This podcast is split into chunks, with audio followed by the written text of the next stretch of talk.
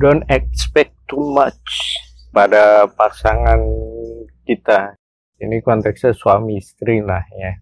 Jadi kita jangan berekspektasi berlebihan kepada pasangan kita. Kenapa ya? Karena kita, dia manusia sebagaimana kita manusia. Dia punya ego sebagaimana kita punya ego. Dia punya kelebihan juga pastinya kekurangan sebagaimana kita juga punya.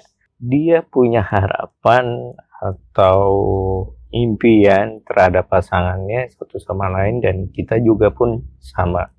Jadi fokusnya lebih kepada bukan oh gue maunya begini dan begitu gue mau pasangan gue begini dan begitu is oke okay. tapi ketika udah konteksnya menjadi pasangan maka fokusnya berbeda lagi kan udah dapet nih udah berjodoh gitu ya udah udah nikah udah suami istri. Maka yang lebih penting dari kitanya ke pasangan kita adalah rasakan bahwa dengan kita mencintai kita hidupnya akan berbahagia. Misalnya ada pertanyaan lebih baik dicintai apa mencintai?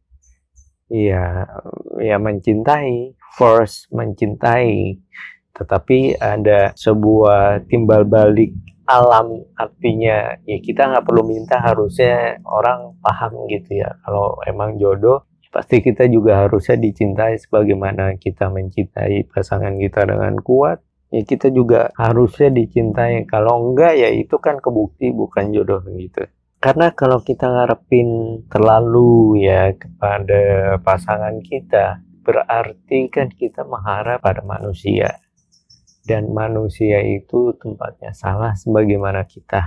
Makanya syariat mengajarkan bahwa ya kalau kita berharapnya kepada manusia ya sering kalinya kecewa dan kalau udah kecewa sulit ditata ulang perasaannya.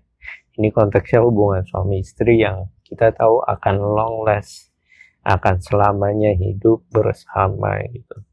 Tetapi kalau kita mengharap hanya kepada Allah yang menciptakan kita dan pasangan kita, maka kita nggak ada apa ya, nggak ada kecenderungan untuk memaksakan ego kita gitu. Banyak orang tuh begini ya, ketika nggak menyangkut pautkan rasa tawakal, berserah diri kepada Allah, ya mungkin dia punya agama tapi nggak nggak menganggap penting agamanya artinya dia juga nggak menganggap penting Tuhannya sendiri. Jadi ketika dalam konteksnya berhubungan suami istri, hubungan dalam hubungan rumah tangga, ya dia berharapnya kepada selain Allah, kepada pasangannya yang yang di mana kalau pasangannya mengecewakan dia, one day dia nggak ada seperti nggak ada rasa maaf gitu. Makanya muncul seribu kebaikan akan tertebus oleh satu keburukan karena apa? Iya begitulah manusia. Aspeknya terlalu besar, effortnya terlalu tinggi. Sedangkan kita sebenarnya ya di dalam syariat itu i, jangan berharap sama sekali kepada manusia. Ya ketika udah berpasangan konteksnya hubungan dalam hubungan rumah tangga ya udah kita mencintai sebagaimana kita seharusnya mencintai istri ke suami, suami ke istri. Kalau berharapnya hanya kepada Allah, apa pun kondisi pasangan kita, kita akan terima. Kita akan terima kekurangannya. Kita akan berkonsekuensi dengan itu.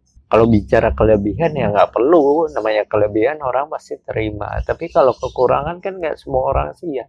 Iya kan? Itu perlunya pengenalan, pendekatan gitu. Ya tentu tidak dengan cara pacaran gitu. Bisa ditempuh ketika orang akan menikah tanpa pacaran ya itu tadi membicarakan sesuatu apa pun yang kita tahu oh oke okay, kalau gue nikah sama dia konsekuensinya begini. Dan semua pasti punya konsekuensi.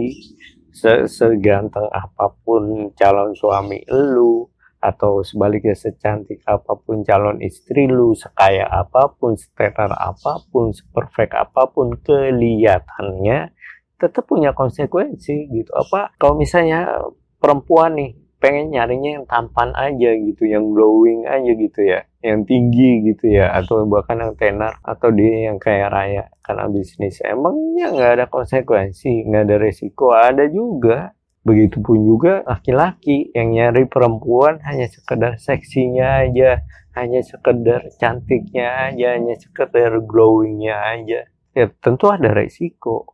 Apalagi kalau nggak bisa menjaga diri di sosmed misalkan, nanti tergoda oleh laki-laki lain. Berharaplah hanya kepada Allah ya, jangan jangan kepada manusia. Kenapa ya? Kita manusia, kita juga tahu manusia punya hawa nafsu, bisa bikin salah, bisa bikin hilaf rumah tangga, sakinah, mawadah, dan rohmah itu yang dicari ketenangan hidup, kedamaian hidup, selain kesejahteraan dan itu harus dibangun, harus dibangun satu sama lain. Ada nilai kesalingan di situ dan tanpa dikomando, tanpa diperintah, tanpa bahkan dikodein,